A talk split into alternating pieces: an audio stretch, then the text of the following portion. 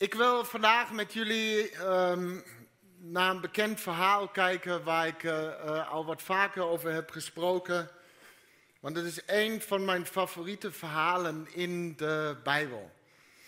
En eh, de komende keren dat ik mag spreken voor mijn zomervakantie, ehm, is niet meer zo vaak, maar zal ik wel wat van mijn favoriete verhalen met jullie delen. Ehm, en elke keer dat ik naar deze verhalen kijk, dan valt me weer iets nieuws op. En daar hou ik zo van. Uh, er valt me elke keer weer iets op waar ik nog nooit zo op heb gelet. Dus ik hoop dat ik dit nieuwe iets vandaag um, met, met jullie mag delen. Um, en, en, het verhaal van vandaag, dat, dat vinden we in, in Marcus hoofdstuk 4. Uh, in dit hoofdstuk van het Marcus-evangelie vinden we een Jezus lekker op dreef. Um, hij genas mensen, had, had, al wat goede discussies met schriftgeleerden. Die gesprekken hebben we uitvoerig al bekeken in de, de laatste serie. En, en, nu vinden we hem daar bij, bij het meer van Galilea. En dan begint hoofdstuk 4 even, een beetje context, daar staat... Weer ging hij naar het meer om de mensen te onderwijzen. En er kwam een enorme menigte om hem heen staan. Daarom ging hij in de boot op het, op het meer zitten... En terwijl de menigte op de oever bleef staan. En hij onderwees hen en sprak hen toe in allerlei gelijkenissen. En dan volgen inderdaad een heleboel gelijkenissen. Dan vertelt Jezus de, gelijkenis van de lamp, de zaaier, het groeiende zaad, het mosterdzaadje. En, en hij geeft onderwijs over het koninkrijk en, en hoe het zich uitbreidt in deze wereld. Maar dan is hij klaar met praten. En omdat hij al in een boot zat, dacht hij: wat zou het toch leuk zijn om even een stukje te gaan varen met mijn matties. Dus hij besluit: wij gaan naar de overkant. En dat verhaal begint dan bij Marcus 4, vers 35. En dat is een best bekend verhaal. En op die dag, toen het avond geworden was, zei hij tegen laten we overvaren naar de overkant. En, en zij lieten de menige achter en namen hem, die al in het schip was, mee. En er waren nog andere boten bij hem. En er stak een harde stormwind op en de golven sloegen over in het schip, zodat het al vol liep. En hij lag in het achterschip te slapen op een hoofdkussen. Dat is belangrijke informatie. En zij wekten hem en zeiden tegen hem: Meester, bekommert u zich er niet om dat wij vergaan? En, weer zo en hij, wakker geworden, zou ook heel raar zijn als dat niet zo was. En dan de wind bestrafte. Zo. Nou, en hij, wakker geworden, bestrafte de wind en zei tegen de zee: Zwijg, wees stil. En de wind ging liggen en er kwam een grote stilte. En hij zei tegen zijn discipelen, waarom bent u zo angstig? Hebt u dan geen geloof? En zij vreesden met grote vrees en zeiden tegen elkaar, wie is deze toch? Dat zelfs de wind en de zee hem gehoorzaam zijn. Nou, we kennen het verhaal. We kennen het verhaal. Een bijzonder verhaal waarin Jezus de storm, het zwijgen oplegt en het meer helemaal tot rust kwam. En laten we dan nu nog samen het kinderlied zingen met Jezus in de boot. Ben je veilig in de storm als je vaart naar huis. Kennen jullie dat? Nee? Nee. Jezus in de boot, ben je veilig in de storm. Veilig in de... Oké, okay, maar. Het bestaat ook in het Duits met Jezus in de boot, ben ik sicher in de storm. Hey, voor ons, hè, zeker, ja. Nee? Oké. Dat kennen jullie dan weer niet. Oké. Maar als we dan de dienst beginnen, groot en machtig is hij, iedereen gelijk. Als je voor het eerst je bent, denk je, wat weer voor gekkies allemaal. Ja, echt.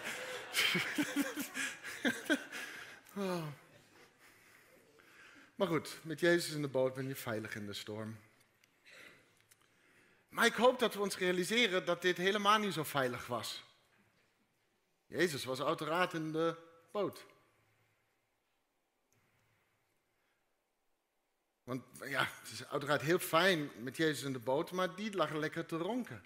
De, de, de realiteit is namelijk van, van dit moment is, is wat minder kinderliedje.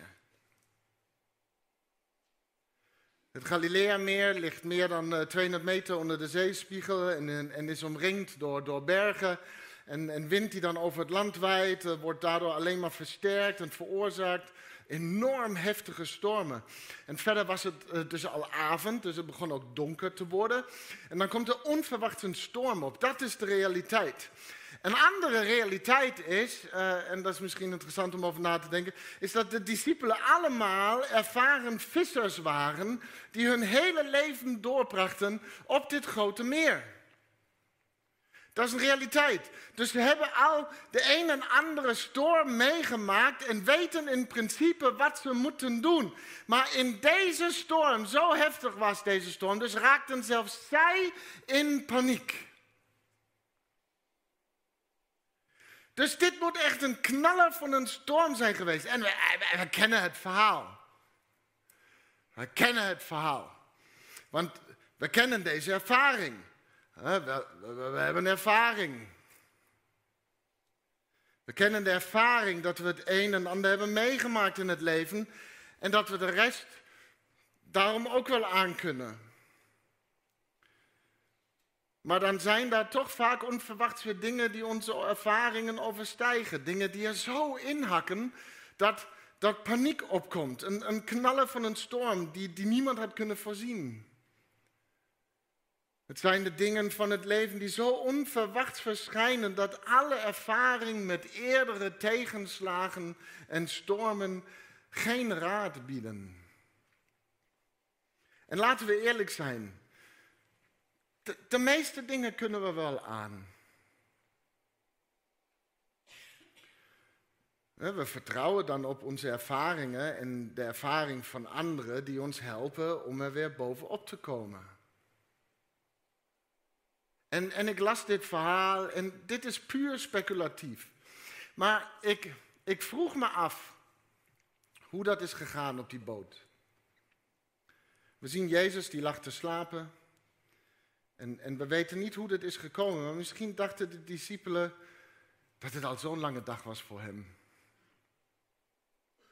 Hij zag er heel moe uit, heeft ook de hele dag onderwijs gegeven, uiteraard. Uh, hij heeft ook wat rust nodig. Dus misschien zeiden ze tegen hem: Heer, ga maar slapen. Het is oké. We got this. We hebben, hier, we hebben hier alles onder controle. Want wij hebben ervaring. U wilt naar de andere kant varen? Dat kunnen we wel. Want we hebben ervaring met varen. Zij zijn ervaren.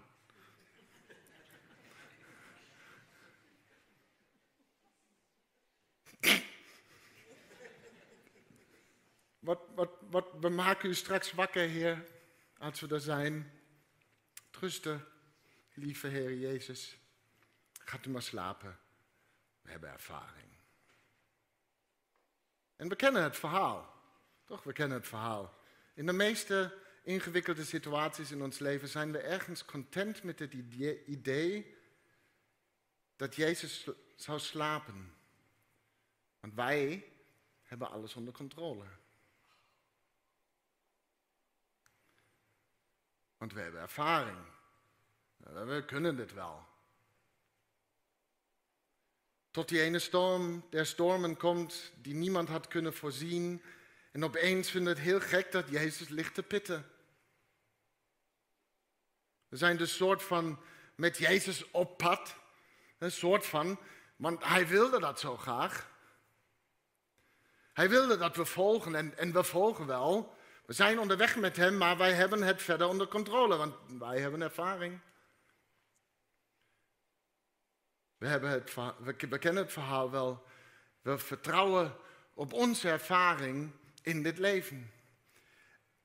En dan, out of the blue is de verontwaardiging opeens gigantisch als onze ervaring niet meer toereikend is, niets voor ons kan betekenen en Jezus ligt gewoon te snurken. Hoe is mogelijk, meester, bekommert u zich er niet om dat wij vergaan, zeggen ze. Dus ergens moeten we niet verbaasd zijn als Jezus slaapt in jouw leven, als je hem ook zelf op bed hebt gelegd.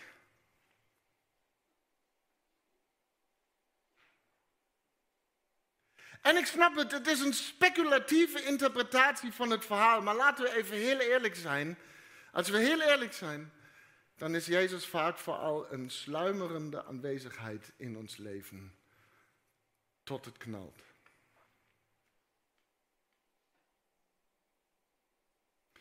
Maar goed, ze maken hem dus wakker.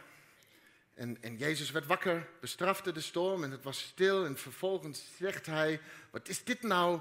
Jullie zijn toch, zeiden toch dat jullie dit kunnen? Je zei toch dat ik mag slapen? Dat jullie zo ervaren zeevaders zijn? Dat jullie ervaring hebben? Waar is die ervaring nu? Nee, dat zei hij niet.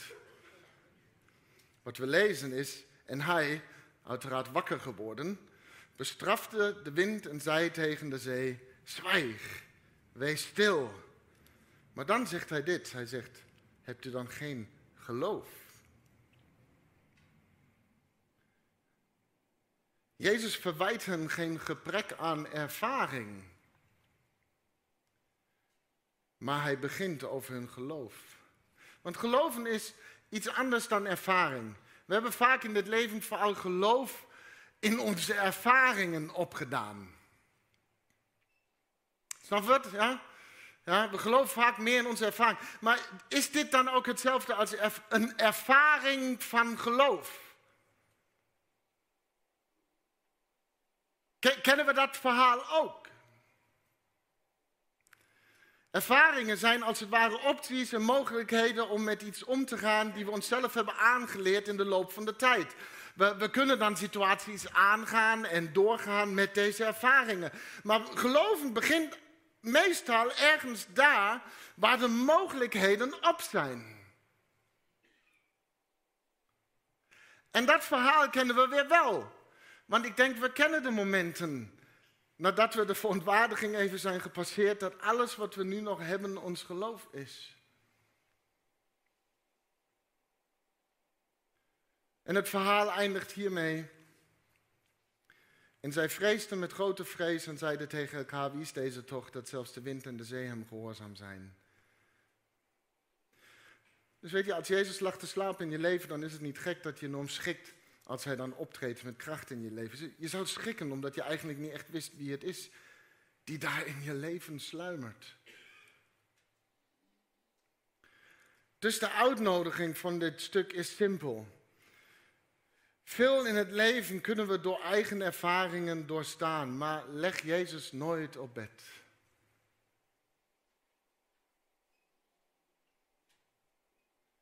Leer hem beter kennen als de God die hij is, als het rustig ervaren is.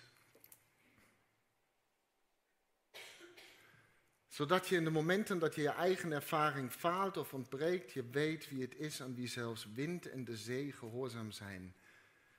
En je niet kostbare tijd verspilt met verontwaardigd zijn dat hij ligt te pitten.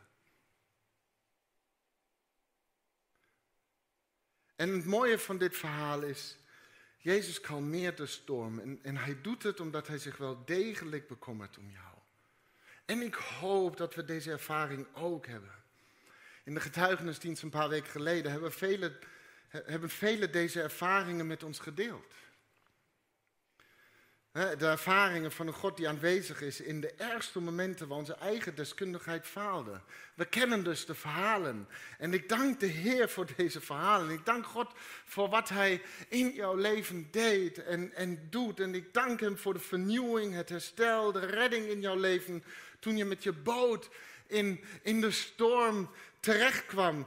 En, en Jezus kalmeert de storm, ook al sluimerde hij meestal in je leven. Dat is mooi. En, daarna heb je misschien nog een goed gesprek met hem over geloof. En, en, en en, en hij kalmeert gewoon de storm. Hij is daar met jou midden in die storm, ongeacht of jij bij hem de snoesknop hebt ingedrukt of niet.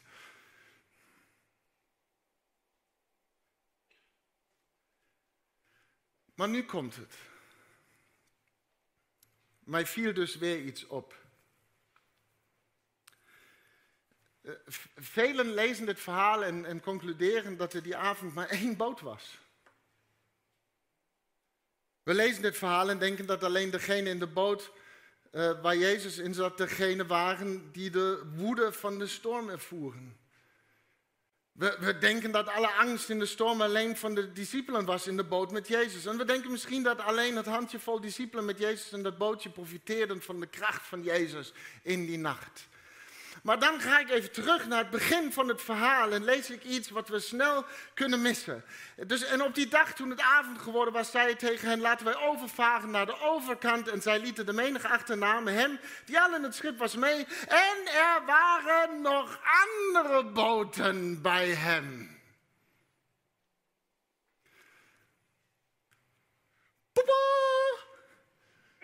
Nog nooit gelezen. Er waren nog andere boten. Nog andere, ooit gezien dit? Nog andere boten. Dus jij krijgt vooral vandaag een preek over andere boten. Geweldig. Dus Marcus vertelt ons dat er die nacht nog andere boten waren. En ik hoop dat we ons de impact van deze informatie realiseren. Deze boten bevonden zich op hetzelfde stormachtige meer als de boot van Jezus en zijn discipelen. Die boten werden net zo heen en weer geslingerd door dezelfde storm als de boot van Jezus en zijn discipelen. Die boten liepen net zo vol met water door de wind en de hoge golven als de boot van Jezus en zijn discipelen. Deze boten voeren in dezelfde duisternis en hetzelfde gevaar als de boot van Jezus en zijn discipelen. Er waren ook andere boten. Dus in welke storm je je ook bevindt, jij bent waarschijnlijk niet de enige boot op dit stormachtige meer.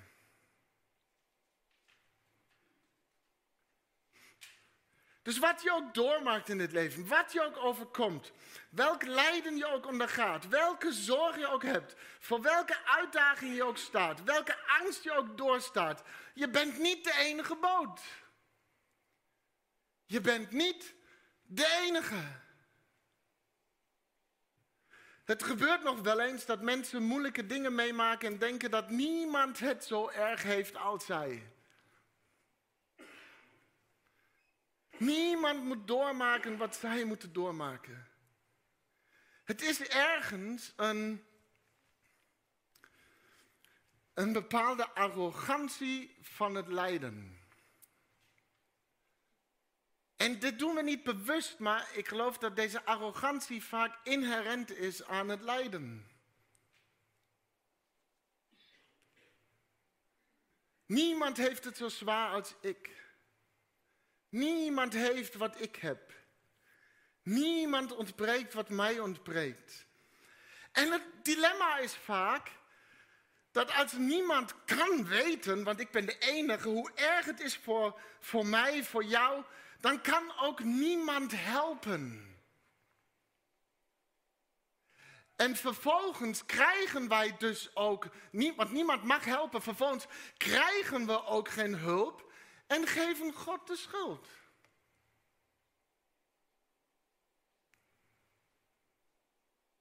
We worden dan zo'n beslag genomen door wat er gaande is in ons eigen bootje, dat we nauwelijks beseffen dat er ook andere boten op het meer van het leven zijn, totdat iemand als Marcus langskomt om ons eraan te herinneren. In welke storm je ook verkeert, er zijn nog andere boten. En ik weet niet wat je aan moeilijkheden misschien op je, op je werk meemaakt. Het kans is groot dat er collega's zijn die in dezelfde storm zitten. De andere boten. Ik weet niet wat je misschien aan toestanden in je gezin meemaakt, maar er zitten waarschijnlijk meer familieleden in dezelfde storm, de andere boten. Geen idee wat je in je relaties meemaakt, maar er zijn waarschijnlijk ook andere bedrokken, de andere boten. En wat er ook aan gebrokenheid in je lichaam gaande is, de de stormen in je ziel en emoties. Er zijn anderen die links of rechts in dezelfde storm zitten, de andere boten. We zitten dus vaak met vele anderen in dezelfde storm, maar niet altijd in dezelfde boot.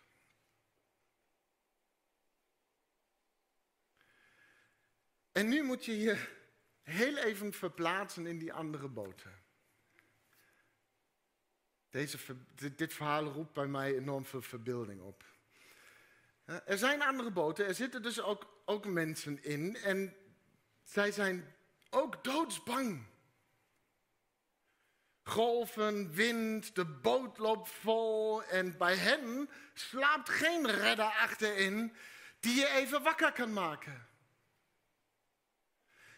Het is een gruwelijke nacht en ze weten dat ze dit niet gaan overleven in die andere boot. Het is angst, het is paniek, het is huilen en het is schreeuwen. En opeens, ah, niemand weet wat ik hier moet meemaken in die andere boten. We gaan je allemaal dood en we zijn echt de, helemaal de enige. Huh?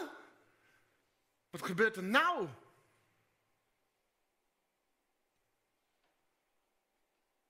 En plotseling en zonder duidelijke reden, voor zover ze konden zien, ging de wind in één klap van het een op het andere moment gewoon liggen.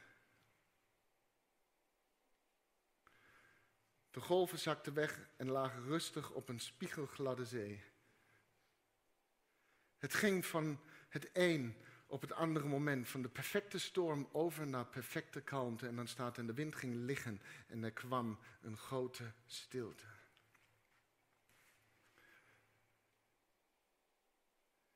Zij moeten hebben gedacht dat ze gek zijn geworden. Wat is dit nou? Dit hebben ook ervaren vaders waarschijnlijk heel veel ervaring varen. En op één, dit hebben ze nog nooit meegemaakt. Maar hier is het punt. Er zijn altijd anderen die op de een of andere manier in dezelfde storm zitten, de andere boten. En in jouw boot maak jij Jezus wakker. En Jezus grijpt in en kalmeert de storm. Maar voor hen ook. De andere boten ook bewaard voor een zekere ondergang. En weet je wat? Ze hebben geen idee waarom.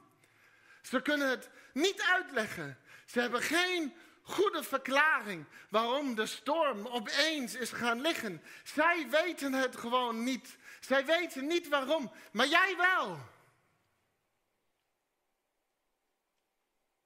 Jij maakte Jezus wakker. Jij betrok Jezus erbij. En luister goed, terwijl we soms denken dat we Jezus betrekken bij wat ons overkomt, in ons bootje houdt Jezus zich voornamelijk bezig met de storm.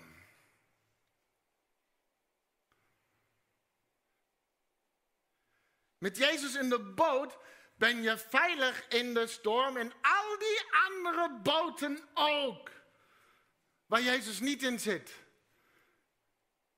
Maar dat lied bestaat niet.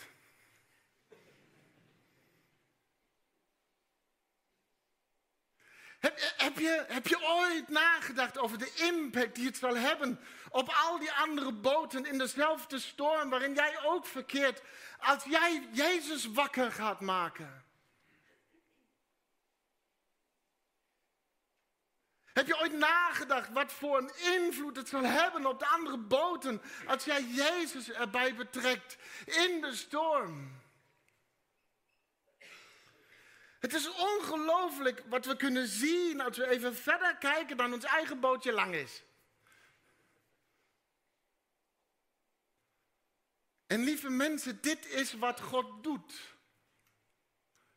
Misschien denk je, dat is echt vergezochte interpretatie weer van zo'n verhaal. Dit is wat God doet. Nou, weet je, de arrogantie van het lijden zegt, ik ben de enige. En, en roept vervolgens, ik heb u nodig, Jezus, in mijn boot. En Jezus komt opdagen met kracht in de storm.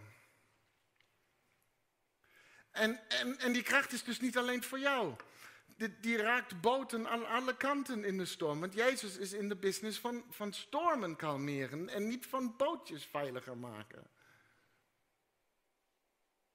Gods kracht is veel krachtiger dan alleen ons, ons bootje behouden. En hoe mooi is dat, want die, die andere boten hebben geen idee waarom, maar jij wel. En we kennen het verhaal. Toch? We, we kennen het verhaal. Maar zij niet. Wij hebben ervaring met dit soort verhalen, maar, maar zij niet. Dus vertel het ze. Ik heb Jezus in mijn boot. En zijn macht en liefde is zo groot. Wat hij voor mij doet, is voor ons allemaal. En wat hij in mij doet, is voor ons allemaal. En wat hij door mij doet, is voor al die andere boten. En op die dag, toen het avond geworden was, zei hij tegen hen: Laten we overvaren naar de overkant. En ze lieten menigte achter en namen hem, die al in het schip was, mee. En er waren nog andere boten bij hem.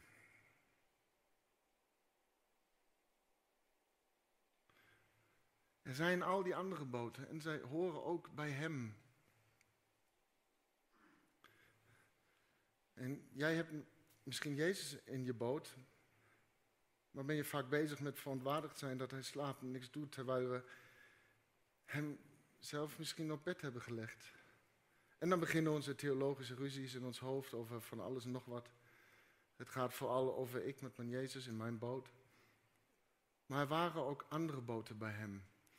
En allen werden gered omdat jij hem weer wakker maakte in je leven. Je liet toe dat hij weer mocht als het ware ontwaken en, en, en opleven in jouw bestaan. En dan vraag ik me af, totaal ongerelateerd met afgelopen weekend, maar wat als dit de sleutel is van een echte opwekking?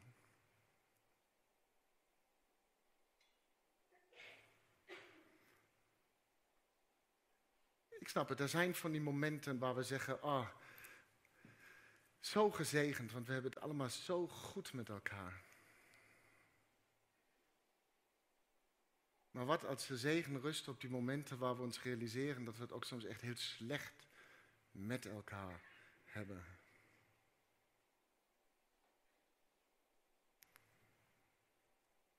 Want ook Gods kracht is relationeel. En zal alle boten in de storm aanraken als je realiseert dat jouw lijden niet door God veroorzaakt om dit te bewerkstelligen, maar dat jouw lijden, eh, jouw probleem, jouw nood en een ingang voor Jezus is om met kracht op te komen dagen in meer dan alleen jouw ongemak in jouw bootje. Wat als dit de sleutel is voor een werkelijke opwekking, als we dus niet opgaan in de arrogantie van het lijden, maar Jezus het laten benutten om met kracht aanwezig te zijn in de storm, in onze boot en al die andere boten. En dat is dus echt wat God doet. Het is ergens nooit alleen voor jou of voor mij. Er is een soortgelijk verhaal van Paulus in Handelingen 27. Die op een schip onderweg is in een heftige storm. En het was eigenlijk te gevaarlijk om te gaan varen, maar ze deden het alsnog. Onderweg, zoals verwacht, brak de hel uit. Iedereen bang. Maar Paulus kreeg bezoek van een engel die tegen hem zei: Paulus, ik heb je leven gespaard. En niet alleen jij, maar ook de 276 zielen die bij je op het schip zijn. Dat is wat God doet. Of denk aan de dagen van koning Hiskia, toen God via de profeet Jezaja verkondigt. Omwille van mezelf en omwille van mijn dienaar David zal ik deze stad beschermen en haar bevrijden. Dat is wat God doet. En dat is wat God wil doen. Beetje counterverhaal, maar het idee is hetzelfde. Sodom en Gomorra. God zegt als er tien rechtvaardigen zijn, in die hele stad met duizenden mensen. Dan ga ik ze behouden. Dat is wat God doet. En Bill Johnson zegt het dus heel mooi. Onze verantwoordelijkheid in het leven is het om met een hoop te leven die aanstekelijk is. Het is besmettelijk.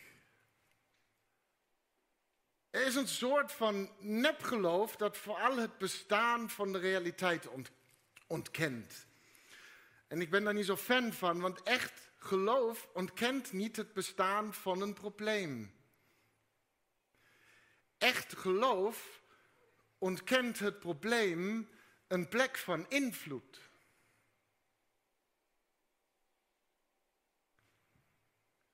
Dus ik negeer niet dat ik deze uitslag heb van een arts. Ik negeer niet die ene factuur die betaald moet worden. Ik negeer niet dit relationele conflict of wat dan ook.